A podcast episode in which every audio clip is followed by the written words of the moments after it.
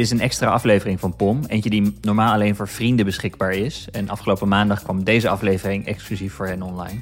Maar we zijn heel benieuwd wat jij ervan vindt. Zo'n highlights podcast over The Economist. En of het smaakt naar meer. Als dat zo is, gaan we het misschien wel maken. Laat het ons vooral weten. Veel plezier.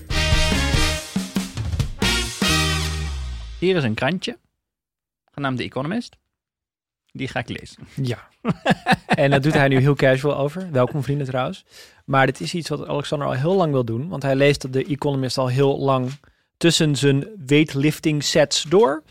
En uh, leert er heel veel van. Wil het graag met jullie delen. dus we gaan luisteren. Ik ga achterover zitten. Jullie Nee, nee, nee, nee, nee, nee, nee. Hoezo Dat doen we samen. Hoezo? Ik heb het blad nog niet gelezen. Nee, maar je hebt verteld mij dingen die je boeiend vindt. Of dat je denkt, nou, dat interesseert me niet zo. Dan kan je sneller doorheen. Oh, ik kan ook zeggen, pas. Ja, oké. Ik ben niet van plan om hier een college te gaan geven.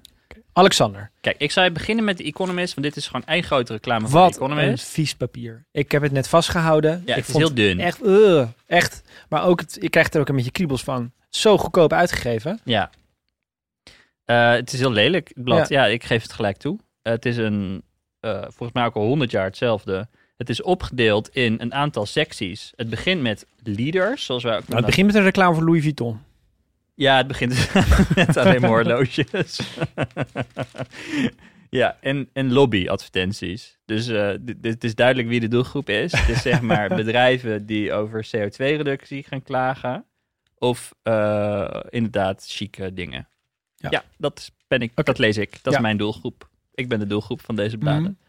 En het begint altijd... Ja, jouw media, die, jouw papieren media dieet, sorry, uh, daar hierna hou ik op, is wel echt, echt heel mooi Brits conservatief. Dus je leest The Economist En de Financial Times. en de Financial Times. Ja. In het weekend, toch? De zaterdag. In het weekend, ja. En dan laaf ik mij even aan de wereldkranten. En dan krijg ik altijd, samen, samen met Tim, Tim en ik krijgen dan altijd fotootjes van jou van interessante artikelen opgestuurd. Ja, die ik voor jullie heb echt geselecteerd. Ja. ja. Een hele premium service is dat. Hoe dan ook, de krant is opgedeeld in verschillende secties. Het begint dus met leaders, zoals bespraken met Matt Seinklas afgelopen vrijdag. Dat is Mhm. het opiniestuk. Dat gaat deze week, het grote verhaal gaat dus over dat de overheid te groot is, maar ook over de huizencrisis. Over hoe de jihad in Afrika aan het oprukken is. En Ik heb me- meteen al een leuke vraag, want de leader gaat dus over big government. Ja. De cover is ook big government. Is, de, is een leader een cover story of is het een thema Nee, nee, nee. dat het terugkomt ook? Je hebt één groot verhaal van leaders en de andere zijn iets kleinere verhalen, maar dat zijn ook de, de stukken waarvan de, de Economist zegt, dit is wat we ervan vinden. Dus bijvoorbeeld, eh, één verhaal gaat over de metaverse, om het maar eventjes wat behapbaarder te maken voor ons eh, eh, mensen. En dan zegt, dan is dus, dan zegt, de Economist zegt, don't mock the metaverse. Oké, interessant. Dus we zijn allemaal bezig met Mark Zuckerberg belachelijk, belachelijk verklaren. Behalve jij. Jij hebt dit punt ook al gemaakt. Ja, nee, ik ben en dat ziener. leidt mij meteen tot mijn eer volgende vraag. Jij weet heel veel van technologie en metaverse af. Als jij die Economist leest, word je daar dan nog door verrast? Ja. Haal je er nieuwe inzichten uit? Ja. Dat is frappant. Technologiedeel van Economist is echt super goed. Oké. Ja. Zo goed dat zelfs Alexander Klupping er dingen van Nou, leert. moet je nagaan. Maar Dat- ja, die kunnen ze in Nederlandse marketingcampagnes als Burp gaan gebruiken, zeg. Dus het zijn een aantal secties. Leaders is de eerste. Het is altijd een kort overzicht van het nieuws van de week. Mhm. Als je dus wil dat je geen nieuws meer consumeert behalve de Economist, dan kan dat. Want er is dus een sectie aan het begin. Ik zal het jou laten zien en voor de luisteraar beschrijven. Dan zie je gewoon het wereldnieuws in blokjes van één alinea per onderwerp. Zeer compact allemaal. Zeer compact. Dus dan, wat is er gebeurd in Myanmar? Wat is er gebeurd in Argentinië? Verkiezingen. Hmm. En in Chili zijn ook verkiezingen. dat weet ik dus allemaal. Ja, goed. Weet je dat de basis van het volgen van het normale nieuws in Nederland? Nee. Het- nee. Voelt het een beetje als huiswerk om die rubriek door te ploegen? Ja. Ik heb Maar dat heel kost veel wel- eh, gelezen over Ali B deze morgen. Juist. Ja, het is heel zielig wat Ja. er mensen overkomen. Maar er zijn dus... eh, er zijn, dat is dus echt wel... Er is dus een element van huiswerk aan de Economist. Daar moet je je echt even op instellen. Mhm. Maar je moet je wel realiseren, de tijd die je bespaart door het niet honderd keer per dag naar nu.nl te kijken, om alleen maar werkelijk ongefilterde shit in je gezicht te krijgen. Dat Dus is jij zegt waard. eigenlijk, je kan alle nieuwsmedia aan de kant je hoeft schuiven. en alleen maar dit week papier te hebben. dit- dat papiertje te pakken. Juist. Oké. En En, dan wat, weet wat, je wat echt- voor gevoel pak jij dit blad op als je begint? Heb je van, yes, ik heb er zin in? Of, poeh, daar gaan Verschilt we. heel erg. Verschilt heel erg. Hangt natuurlijk van het coververhaal af. Ja. Soms gaat het over China. Vind ik altijd lekker. Mhm. Dit keer gaat het over big government. Moet ik wel even inkomen. Ja, dan is Want het ik ben, ja. Maar dan ga je de details in en dan lees je, en voornamelijk elke keer als er een, als er een procentteken staat, dan spitsen mijn oren even. Want dan weet ik, hier gaat een grappig feitje komen. nou, daar ga ik je mee, ga ik je meenemen. Oké, vertel. Oké, allereerst een Grappige verhaal. feitjes uit The Economist met Alexander Klupping. Allereerst een verhaal over waar we allemaal last van hebben. We kunnen geen huizen kopen. Dat is een internationaal probleem. Ja, dat Oké, blijkt dus nou, een internationaal meteen al probleem wat te zijn. Dus bijvoorbeeld ehm, in eh, Nieuw-Zeeland hebben ze tax breaks voor property investors eh, geschrapt. Ierland heeft 10% belasting gelegd op het bulk buyen van huizen. Dus wij geven allemaal graag die Blackstones van de wereld de schuld van onze huizengebrek. Mhm. En in Ierland hebben ze daar dus gewoon... Zeggen, nou, als je meer dan x huizen hebt, dan moet je gewoon extra belasting gaan betalen om het onaantrekkelijker te maken. Ehm, in Canada is het een probleem. In Duitsland en Berlijn hebben we natuurlijk gehad dat eh, er mensen gestemd hebben in een referendum om die groot grondbezitters te onteigenen. Dat jij het woordje natuurlijk in deze zin gebruikt, laat zien dat jij al jarenlang de Economist leest. Nee, maar dit was groot nieuws in Nederland ook. Dat in, dat in Berlijn de woningnood zo hoog is en dat dus het volk heeft besloten, leuk dat die groot, grote bedrijven die huizen hebben gekocht, maar die gaan we gewoon terugnemen. Mm. Wat een advies is, dus waarschijnlijk gaat dit bij de Hoge Raad ook vallen, want het kan helemaal niet. Nee. Eh, maar het is wel een, een, een teken natuurlijk. En in Spanje is het gedoe. Nou, overal is het gedoe. Nou, dan is een percentage. In overal zijn er te weinig huurwoningen. Dus in Canada zijn er drie, is 3% van de huurwoningen nog maar beschikbaar. In Australië zelfs 1%. En nu het feitje. Cities like New York show what's possible. Big investors there have been turning offices into homes for years. As a result, 60.000 mensen wonen nu in Lower Manhattan, terwijl dat in de jaren 90 nog 14.000 was. Omdat ze dus kantoren omgebouwd hebben in Mm. eh, woningen. En in Londen geloven ze ook dat er ruimte is voor 1500 extra huizen in, eh, voor 2030, omdat ze kantoren gaan opbouwen. Maar de Economist geeft, geeft dan, eh, die zegt dan, we kunnen nou wel allemaal gaan zeiken op Blackstone en al die dingen, maar in, in Amerika hebben ze hebben investeerders slechts 2% van de huurwoningen. In Europa hebben publicly listed funds minder dan 5% van de huurwoningen. Oftewel, we kunnen met z'n allen wel gaan staan schreeuwen naar Blackstone en andere... En, en hoe heet die Nederlander met die bril? Die kroon, Prins Bernhard Prins. Bernhard. Het is heel... Dat voelt lekker om daarover te zeiken. Maar, zegt de Economist, rather than rely on gimmicks... Oftewel, klagen over dit soort onzin... Countries must build their way out of the crisi- crisis. That is why, instead of character, caricaturing, caric, caricaturing big funds as barbarians at the Garden Gate, Ja. mooi verwijzing naar Barbarians at the Gate, een boek over private equity, policymakers should lay out the welcome mat Oké, dus voor laat dit je- soort bedrijven. heel Ze moeten iets. namelijk bouwen. Dus laat je niet afleiden in bijvoorbeeld in een debat over hoe de overheid met mondkapjes omgaat door één, één gekke inkoper, maar kijk naar het hele plaatje. Ja. Oké, interessant, les. Oké, verder maken ze zich heel erg druk over de Sahel. Dat Want is er zijn een allemaal- woestijngebied in Afrika of zo, toch? Ja.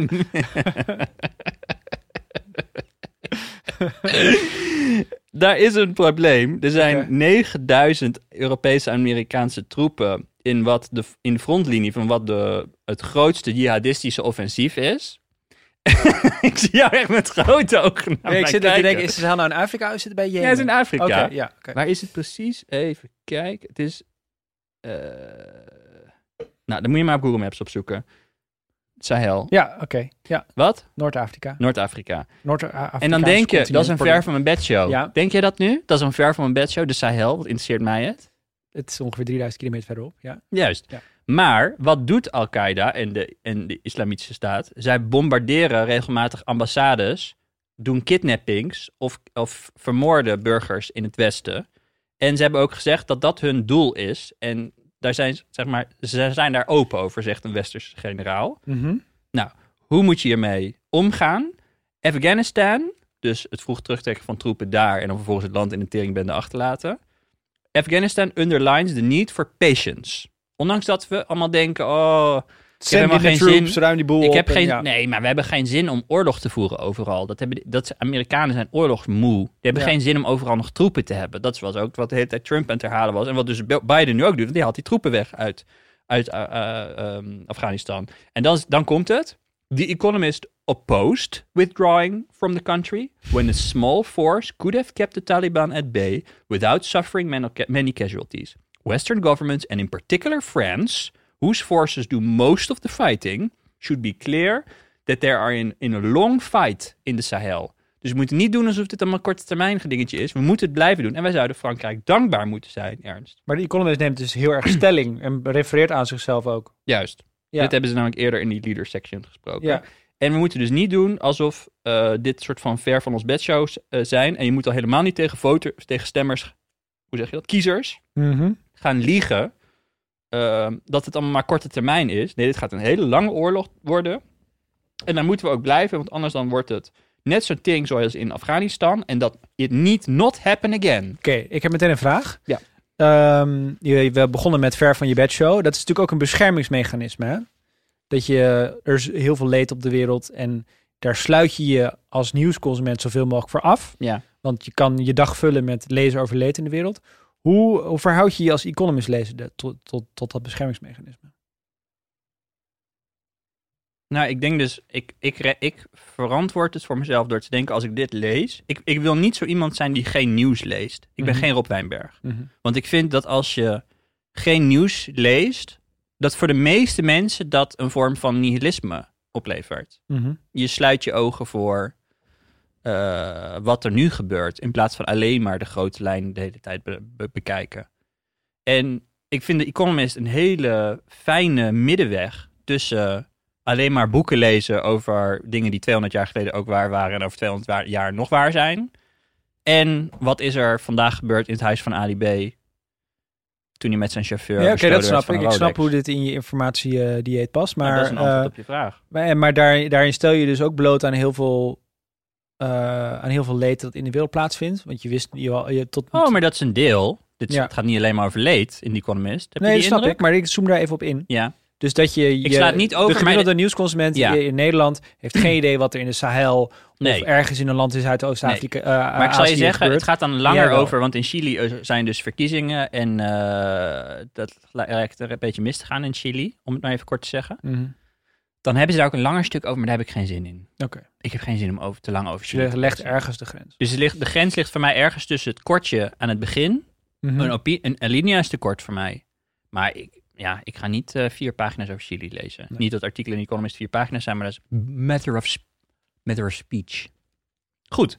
Dan nu, het grote coververhaal van The Economist. Ja. Overheden wordt het groot. Bill Clinton zei in de jaren 96, de era of big government is over. Ik, ik merk dat ik je energie verlies. Maar, ik Nee, nu, ik ben, ik ben, ik ben één al aandacht. ik kom nu met een heel Dit gedeelte wist ik al, want dit hebben we al, hebben we al besproken in de Wist jij dat tussen 1274 en 1691 de, Amerika of het Engelse, de Engelse overheid had het minder dan 2% van hun bruto binnenlands product in, be- in belastingen.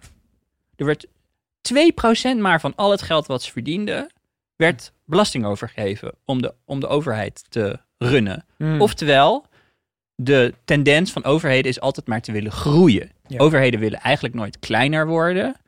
Vooral de laatste, pak een beetje, 40, 50 jaar. Willen alleen maar groeien. Ja. En eh, oorlog is het ding wat dan opeens maakt dat ze opeens tyfus veel geld gaan uitgeven. Dus dat er ook meer belasting gegeven moet gaan worden. Maar de neiging is ook om na oorlogen niet meer te gaan bezuinigen daarop. Dus het is altijd maar meer, meer, meer, meer, meer. Daar gaat dit artikel over. Laat, je, niet- laat, laat zich raden wat de Economist daarvan vindt.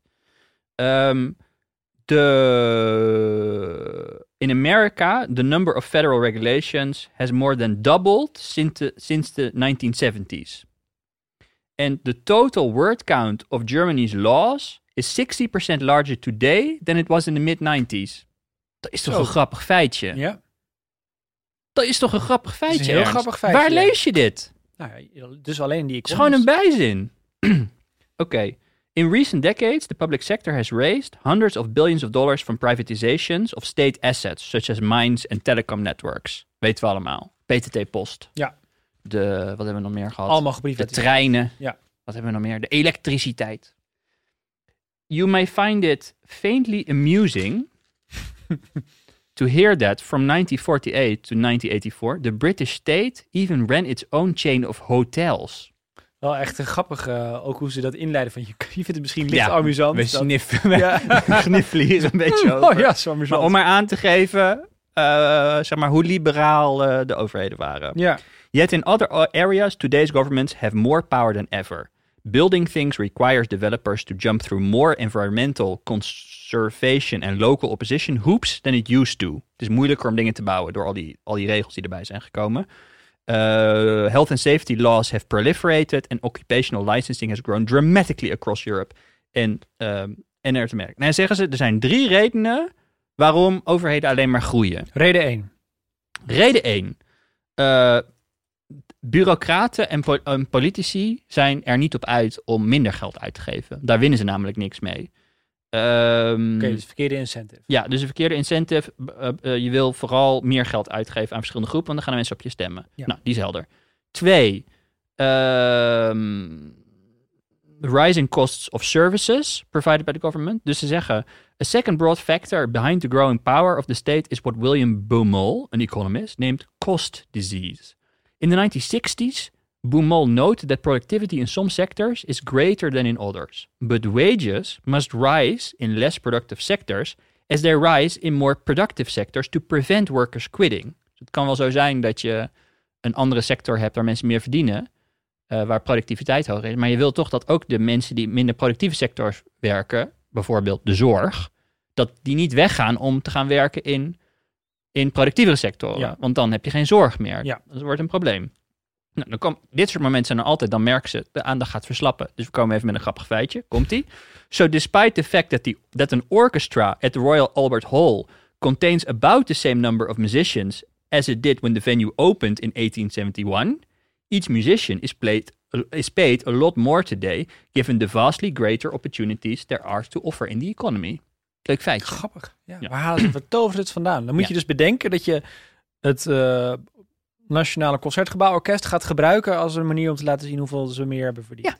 Grappig. Leuk toch? Ja, dat is een economist. Ja, veel researchers werken daar waarschijnlijk. Dat is zeker zo. A lot of government spending is in areas where labor productivity growth is slow. Is dit re- reden 3 waar we nu aan toe Nee, gaan? dit is nog een reden Oké, 2. we zijn al bij... Oké. nee, maar hier komt hij dus. Most notably the provision of education and healthcare. Twee sectoren waar het in Nederland je denkt, nou, misschien wat bij. As the real wages of doctors, nurses and teachers go up at a rate set by other parts of the economy, so does the spending. Oftewel, dit is die, eh, de, het, het is steeds duurder voor de overheid om hun services te verlenen. Namelijk een docent die voor de klas staat van je kind. Ja, oké. Dan reden drie. Ehm, today's voters are increasingly likely to be old. Heb ik je weer? Ja, Old people Boomers. did well uh, out of government even when this was not the case. Making social spending work, a recent book by blah blah blah, shows that in 13 welfare states, per person support for the elderly as a, as a proportion of income rose faster than spending on public education of per school-aged child for the most of 20th century. dus we zorgen beter voor onze bejaarden dan voor onze school. dan voor onze kinderen. Gewoon als je puur naar de feiten kijkt. Mhm. Spending per person leveled off in the 80s, but more baby boomer with longer lifespans means total spending is still rising. And political pressure to maintain spending on the old is acute. Ja, Dit is dus hoe wij genaaid gaan worden en nog verder genaaid gaan worden de komende jaren. Over the next 40 years, the share of the rich, the total rich world population over the age of 65 will rise by half. Nou, dan zit ik dus gewoon mijn krantje te lezen tijdens het sporten. Klapperende en dan valt oren. mijn mond open. Ja. Ik, oh god, wat komt er op ons af? hey, en Alexander, die, Een bird- tsunami bird aan eye- bejaarden. ja, die bird's eye view die jij door die economist krijgt. Hoe Ja. verandert je- dat jouw blik op de wereld? Dat vind ik een heel moeilijke vraag om te Ja, denk er maar even over na. the share of the very old. Nee, nee. Oh, ik moet daar nu over Ja, nadenken. zeg maar eventjes. Ik dacht een soort latent in het achterhoofd. Dan ga ik ondertussen wel eventjes... Ik, ja, bent, jij bent de hele tijd aan het voorlezen en dan zie ik, dan hou je dat blad zo voor mijn gezicht en dan zie ik op de achterkant zie ik de advertenties. De, die zijn ook heel interessant. Dus je hebt hier een advertentiesectie die heet Executive Focus. Ik zie een privéjet boven, boven Manhattan vliegen. ja, dat is een blaadje.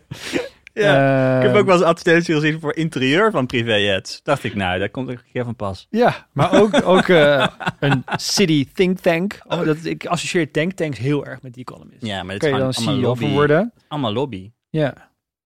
Ja, maar ja, dat is het. En Google adverteert dus ook in Ja, Economist. maar Google adverteert overal. Ja, maar het is interessant welke invalshoek ze hier gebruiken. Helping drivers navigate low emission zones. Dus ook gewoon weer, Maar allemaal zijn ze een greenwashen. ja. Allemaal, al die bedrijven greenwashen in The Economist. Oké, nou vertel, hoe verandert het lezen van de Ik denk Economist? vooral dat het gewoon is, als ik dan toch nog mezelf laaf aan het nieuws van de dag op de www.nu.nl, Ja, dat ik dan terug moet denken aan iets wat ik daar las. Het is gewoon, de Economist stapt standaard over de simpelere analyses van Nederlandse kranten heen. ja, Dus het, dat is dan bijna, je zult denken dat, puntje, puntje. En dan Mhm. komt de analyse die doorvrocht op de pagina van de Nederlandse krant staat. Maar, en dan komen ze met een iets contrairs. Heb je hem nu afgepakt zodat ik hem niet meer kan verder nee, lezen? ik heb, ik heb nog een vraag. Oké. Eh, Matt Steinglas, die vertelde net, eh, die dus, eh, dus Europa-correspondent voor The Economist, vertelde net dat hij, of vertelde afgelopen vrijdag, Mooi. voor het weekend, Ja. vertelde hij dat, ehm, dat als hij met een idee komt voor zo'n leaderstuk in de redactievergadering, dat hij ook moet alvast argumenten tegen de leader moet bedenken. Ja. Wat zijn argumenten volgens jou tegen het lezen van The Economist? En in plaats daarvan niets lezen of in plaats daarvan het gewone nieuws volgen? Ja, zit er, zit er bijvoorbeeld, dit, jij volgt dit blad echt nauwgezet en elke week. Nou, het is natuurlijk een geprivilegeerd ehm, eh, eh, beeld. Ja. Eén, omdat de Economist best wel duur is. mhm. Twee, ehm, omdat je misschien is het ook wel de luxe hebben om ja, een heel deel over Afrika te lezen iedere week. Of in ieder geval de mogelijkheid hebben om een heel deel over Afrika. O- originele reporting, hè? dus niet, niet op AP gebaseerd. Mhm. Zoals eh, er zit gewoon, eh, ja, er zit gewoon een correspondent. Ehm, ja, dus dat, dat ik, ik realiseer me wel dat dit een heel nauw eh, wereldbeeld is. Het is een nauw rietje waardoor je naar de wereld kijkt. wereldbeeld van de, welk, van de Britse elite of zo? Welk wereldbeeld is dit? Ja, maar vooral heel elite? liberaal in de Liberaal. klassieke zin van het woord. Dus niet Ja. liberaal als de VVD. Nee. Maar in de klassieke zin van het woord. Oké. En eh, ja, en ik ben absoluut niet met alles eens wat ik lees, maar ik vind het wel heel interessant omdat het zo goed is opgeschreven. Grappig dat één exemplaar 7,50 euro kost. Ja, maar dat is toch altijd En eh, er staat nog één vraag op de cover die ik grappig vind. Why are the French so grumpy? leuk. Kom ja, ik, kom ik vertel, zo meteen geef mij eens even antwoord. Mooie vraag. teaser. Maar je bent klaar met dit, maar waarom eh, het veel oude mensen gaan komen Ja, nee, dat, en dat we daar allemaal naar de tering gaan? ik denk dat we in het eh, segment de balans moeten houden tussen een soort metablik van wat leer je van de Economist en echt de daadwerkelijke inhoud van dit blad. Ja. Nou, nog heel kort. De emissies Mhm. gaan nog een ge- gedoe worden. Dus in 2050 wil eh, de Britse overheid bijvoorbeeld naar net zero gaan voor carbon emissions, voor gewoon wat is het, CO2-uitstoot. Maar dat gaat 21% op hun ehm, schuld naar ehm, eh, BNP-ratio plakken. Dus er komt 21% meer schuld bij. Dat is natuurlijk, ja, dat gaan wij ook meemaken. En daar gaan we ook allemaal voor moeten betalen. En de boomers zijn al dood. Ehm, en dat, de, dat het opvallend is dat er, en dat slot, daar sluit het mee af, eigenlijk is er ook geen oppositie meer op dit moment tegen uit, het uitwassen van altijd maar meer geld uitgeven. Nou, Balaji.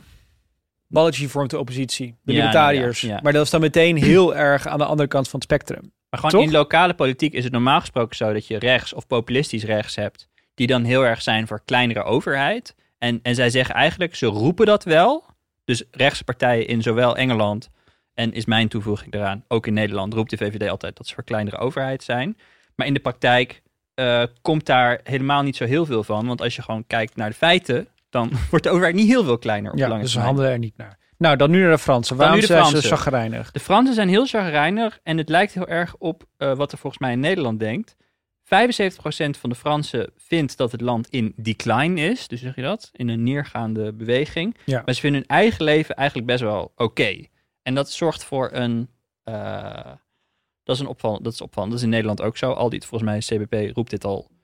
Is dat CBP? Maar in de... Kijk, Franse... CC, hoe heet dat ding? Dat SCP. Ja, die roepen dat ook al Cultureel 100 jaar. Planbureau. Maar, maar de Fransen die kijken altijd terug op een, op een eh, hele roemruchte historie. Die zijn gewoon verdrietig omdat Molière geen toneelstukken meer maakt.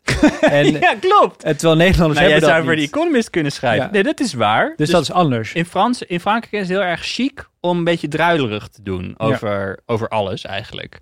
Als je te optimistisch bent, dan vinden ze je een beetje een sukkel. Eh, maar de, de hoogtijdagen liggen achter hen. ja, juist. En het gaat dus ook over als er, als er primetime talkshows zijn, of columns, of eh, verkiezingen, dan eh, hebben ze het over listen to the hard right, en het is the death of France as we know it. En dat zorgt dus voor een redelijk ontluisterend feitje. Er staat een percentage, dus dan, zoals jij weet, spitsen dan mijn oren. Eh, vier- 47% van de Fransen zeggen dat ze in de eerste ronde van de verkiezingen, Fransen dan twee rondes, eh, voordat ze bij een pre- eh, pre- president uitkomen. 74%, bijna, of nee, sorry, 47%, bijna de helft van de mensen, zegt dat ze voor een extreemrechtse kandidaat gaan kiezen. 47 procent. Uh, sorry, van de, uh, from one of the other political extremes. Sorry, niet alleen extreem rechts, ook extreem links. Oh ja. Net zo gezellig.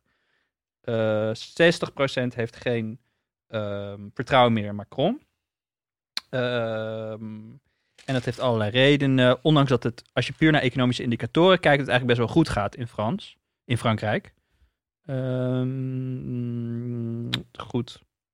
Ze zijn, eh, ze zijn niet blij. As COVID cases rise, supply chain clog up and a punitive winter heating bills arrive in the letterbox. Gaan we ook nog meemaken. Ja. There is still plenty that could go wrong, but even if it doesn't, it will suit his opponents, dus van Macron, of all stripes, to lay the doom on thick. Dat vind ik grappig. Dus alles wat je leest over de verkiezingen uit Frankrijk, kun je nu door de bril bekijken.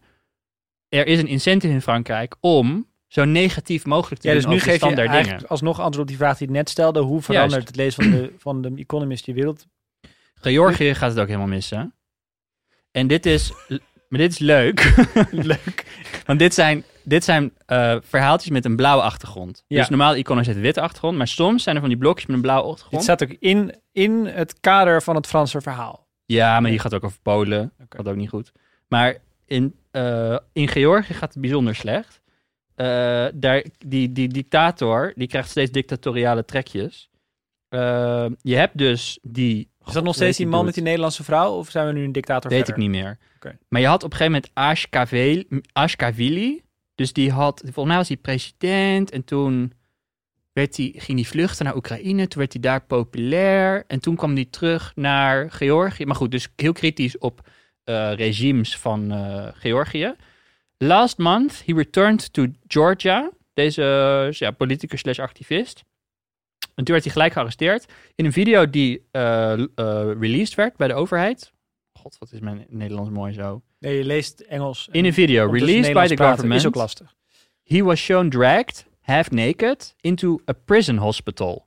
Mr. Shakashvili has been denied the right to attend his own trial. A member of the European Parliament hoping to see him was turned away at the border. This is the latest of many signs that Georgia is moving backwards. This year alone, and this is an opsomming, Ja, the government has arrested the head of the opposition, hacked the phone of human rights activists and foreign ambassadors, turned down an EU loan after backtracking on an agreement promising judicial and electoral reform, and it has handled the COVID-19 crisis badly. Zat ik laatst naar te kijken, want ik dacht, ik wil straks als de lockdowns zijn, wil ik graag naar gewoon weg. Eh, op reis. Ja, dat kan nog, want mijn kinderen zijn nog best jong. Nog geen, En leer, dan heb je dus op de site van, hè? nog geen leerplicht. Nee. Kun je dus bij Kayak, kun je dus kijken naar de hele wereld. Ik krijg een kaart van de wereld. Ik heb dan mijn vinkjes zetten. Met welke landen hoef je niet in quarantaine? Want dat wil je niet met kinderen. Misschien überhaupt niet, maar... maar. Eh, ja, en en Netflix. eh, welke landen, wat was er nou meer? Oh, kun je naartoe als je gevaccineerd bent? Nou, dat ben ik. En dan kun je dus, dan krijg je al landen, kun je sorteren op de rate of eh, vaccination in een land. Dus je denkt, ah, wat vind ik zelf prettig? Poot 7% boven Dat kan op kajak. ja, geweldig. en dan sta, ga je dus kijken wat er helemaal onderaan staat. Nou, daar staat dus Georgië. Oké, dit gaat trouwens, die man die eh, halfnaakt het ziekenhuis wordt ingetrokken, dat is dus die man die die Nederlandse vrouw heeft. Oké. Ik heb het even gegoogeld. But the treatment of the admired, if flawed, former president, daar hebben we dus nu over, could be the worst blunder yet. nou, dat vinden ze dan een grappig verhaaltje voor tussendoor. Ehm, iets, je hebt het risico van soort van popcorn intellectualisme. ja, dat is, ligt wel een beetje op de loer. hè? Nou, met die blauwe... Je hoort in Georgië, nou ga je niet goed in nee. Hop, Nou. barmboos. Zo'n zelf een beetje over voetbal. Voetbal, Ernst. Ja. Wil je een verhaal over Ja, voetbal? heel graag. Dat is een uniek moment. Jij begint over, zal weer over omkoping gaan of zo, als jij over voetbal begint. Onder andere. ja. Het is, nee, maar het is, het is, het is zowel grappig als treurig. Nee, het is eigenlijk helemaal niet grappig. Het is heel treurig. maar het is wel Eigenlijk ben opzienbarend. ik een heel terug blad. Ik schamper dat ze af en toe eh, grapjes maken, anders hou je niet vol het lezen. Ja. Libanon doet mee aan het wereldkampioenschap. Net zoals blijkbaar Syrië en Irak. Ik wist dit niet. Die hebben zich allemaal gekwalificeerd. Nee, die zijn bezig met kwalificaties. Oké, de kwalificatietoernooi. Ja. Ja, weet ik. Belangrijk Stelt dat dan dat je niet meedoet aan het Je wereldtoernooi? bent je aan het kwalificeren voor het WK. In principe mag iedereen Er meedoen. kunnen alle landen aan meedoen. En degene die het kwalificatietoernooi ja, winnen, ja. die mogen naar het WK. Nou, het is nog niet zeker of Libanon mee mag doen. Dat is natuurlijk een land wat ja, nogal wat problemen heeft gehad, zullen we maar zeggen. Met die explosie in die eh, haven en sindsdien de economische... Die moet andersom. Dit is denk ik Eh, wat ik net met het bedoelde met het popcorn aspect. Ja, Libanon, het gaat echt helemaal... eh en dan het fluitje. Ehm, ze, ze hebben gespeeld tegen Syrië. Daar hebben ze overigens van gewonnen. Tegen Iran en de Emiraten. En het leek er even op alsof ze eh, de play-offs zouden gaan maken. Ik weet niet wat play-offs zijn. Wat zijn dat? Nou, eh, de nummer 1 van de groep, die is rechtstreeks gekwalificeerd voor het WK. De nummer 2 moet meedoen aan play-offs. En daar de winnaars van, die Ah, mogen Oké, nou, het leek er dus op alsof ze aan de play-offs zouden gaan meedoen. Mhm. Maar het probleem was dat die lampen bij het stadion, eh, dat, want het zou s'avonds gespeeld worden, maar de stroom is niet echt goed geregeld. Zeg maar, het valt vaak uit. Ja. Dus die lampen zouden uitgaan. Dus toen heeft de FIFA ook gezegd dat de fans niet mochten komen. Ehm, en niet dat, en dat is mooi, dit is echt zo'n economist eh, zinnetje. Some would have struggled to make the trip anyway, since petrol prices have risen tenfold in the past two years. Fietsen ze er even tussendoor. Met ja. tering. Tien keer omhoog. ja, dan zou je dus, als dat hier zou gebeuren, zou je dus meer dan 10 euro voor een liter betalen. Ja. Then idee. there was the venue. Eh, nou, dat stadion van Beirut was kapot in die eh, explosie. Dus toen moest het in een stadion 40 kilometer verderop gespeeld worden. Een arena named Martyr Rafik Haryani Stadium. So, Lebanon played Iran and lost on a pitch named for a prime minister whose murder is widely blamed on Hezbollah, a militia backed by Iran. Dat is ironisch. Behoorlijk ironisch. Ja. Maar inderdaad wel van het type dat de Economist grappig vindt. Uh, football is often politics by other means, but Lebanon's matches took this maxim to an extreme. Puntje, Oké, puntje, oké. puntje. Die got my attention. Vertel. Some Lebanese ex- uh, accused Hezbollah supporters of cheering for the other side. Others posted photos of Iran's team lugging bulky suitcases through Beirut airport, musing that the bags might be stuffed with military gear rather than football kits. Five days later, the stands were empty again for Lebanon's 1 0 loss to the Emirates. Last month, Saudi Arabia recalled its ambassador from Beirut after Lebanon's information minister criticized the Saudi led war in Yemen. The Emirates, loyal to the Saudis, told the citizens not to travel to Lebanon. En als je dan de wedstrijd toch op tv wilde kijken, wat ze vaak doen, die kijken vaak Europese wedstrijden van de Champions League op tv, is de prijs gestegen naar 75 dollar, Mhm. twice the monthly minimum wage. Others found themselves sitting in darkness at kick-off. Weet je wat mij een beetje bekruipt als ik dit eh, jou zo hier hoor vertellen over wat jij allemaal tot je neemt, zo gedurende de week? Ik denk dat een groot, grote bijwerking van het lezen van The Economist eh, is dat je je bewust wordt van het Dunning-Kruger effect. Hmm. Namelijk, hoe meer je weet, hoe meer je realiseert wat je allemaal niet weet. Dus je kunt ook af en toe in het café mensen tegenkomen die zeggen, luister, ik zal je eens even uitleggen hoe de wereld werkt. En dan met twee theorietjes komen. Terwijl als je zo iemand een uh, maand lang verplicht die Economist laat lezen, dan realiseert je zich aan die eind Dat van de maand dat hij geen idee heeft. Want Nee, er komen dat- nu al zoveel geopolitieke nuances voorbij Ja, in een ja. klein stukje. En jij zet het graag neer als een martelgang, het lezen van The Economist. En dat is het ook wel een beetje. Dat is het. Het is niet alleen lelijk, het is ik ook bedoel heel saai. positief. maar je- Het, ja, het nee, maar, met je neus de feiten hoe, wij, Ja. hoe weinig je eigenlijk weet en hoeveel Juist. nuances er zijn. ja, maar dat is toch een martelgang. Dat je dat weet van jezelf. Het is veel comfortabeler om eh, in... eh, Ja, het is, de, ja, het is de tegenpol van ignorance is bliss. Zo ongeveer dit wat er in Tunesië is gebeurd, Ernst. Oké, laatste segmentje. Daarna mag je gewoon door. hoor. Dat is dus Eh, een moet Op een vuilnisbelt. gegeven moment opruimen en dan kan je nog even tegen hem aanpraten. er was dus een vuilnisbelt. ja. Maar die liep helemaal over. En toen stonk het zo dat mensen er kanker van kregen. Oei. En toen kwam er dus een president die zei: Ik ga het allemaal opruimen. Maar die heeft dat niet gedaan. En. ehm, Was dat Ben Ali of is dat toch hier? Is het allemaal, allemaal na post-Arabische lente dit? sinds president Kais Said suspended parliament and grabbed power in July. Dus is ook gewoon gebeurd. Oké. Wist je dat? Nee. Power grab geweest. Ik ben ongeveer gestopt bij het volgen. Een bij coup in. Tunesië. Het was dus te hopen dat meneer Said's eh, regering het beter zou doen. Maar het lijkt nog steeds lastig te zijn om vuilnis op te halen. Even in Tunis, the capital, less than two-thirds of the waste is collected. Nou, daar is Rome niks bij. Nou, dan even iets wat jij leuk vindt. Ja. Scott eh, McKenzie. Mackenzie Scott is de eh, ex-vrouw van Jeff Bezos. Mhm. En zij is de belangrijkste donateur voor goede doelen geworden. Iedereen klapt, toch? Ze is toch... Ja, want zij heeft in de scheiding van Jeff Bezos heeft ze miljarden meegekregen. 60 miljard om precies te zijn Ja. in dollars. Is de 60 miljard. 22ste rijkste persoon van de wereld. En zij heeft dus eh, toegezegd dat ze al het geld gaat opmaken. Ja. En dat is niet makkelijk.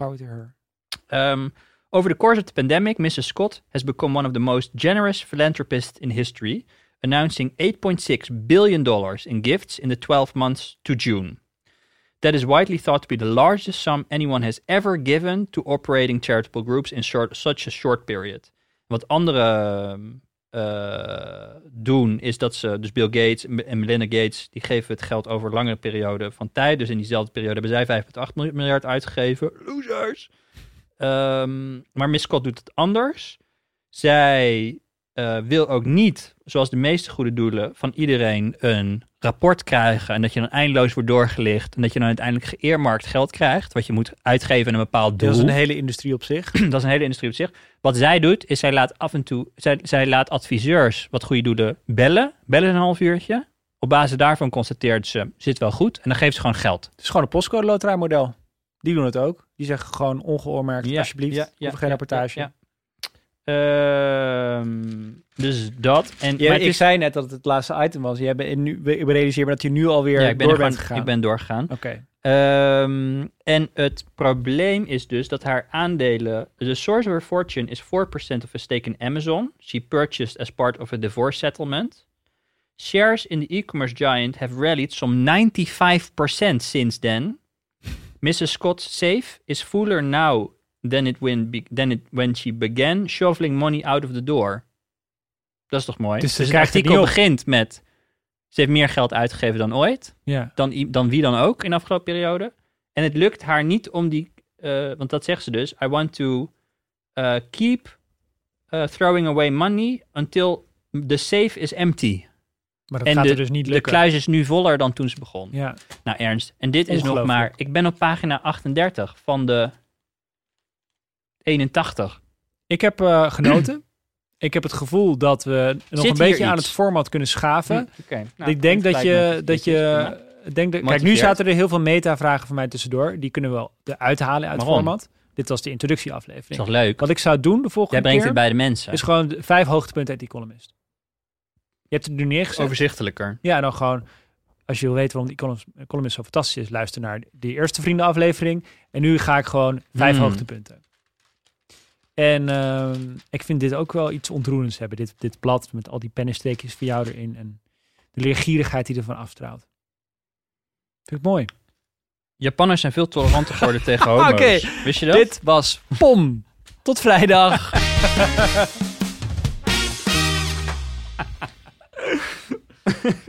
Ik heb nog veel meer. ja, natuurlijk. Zonde.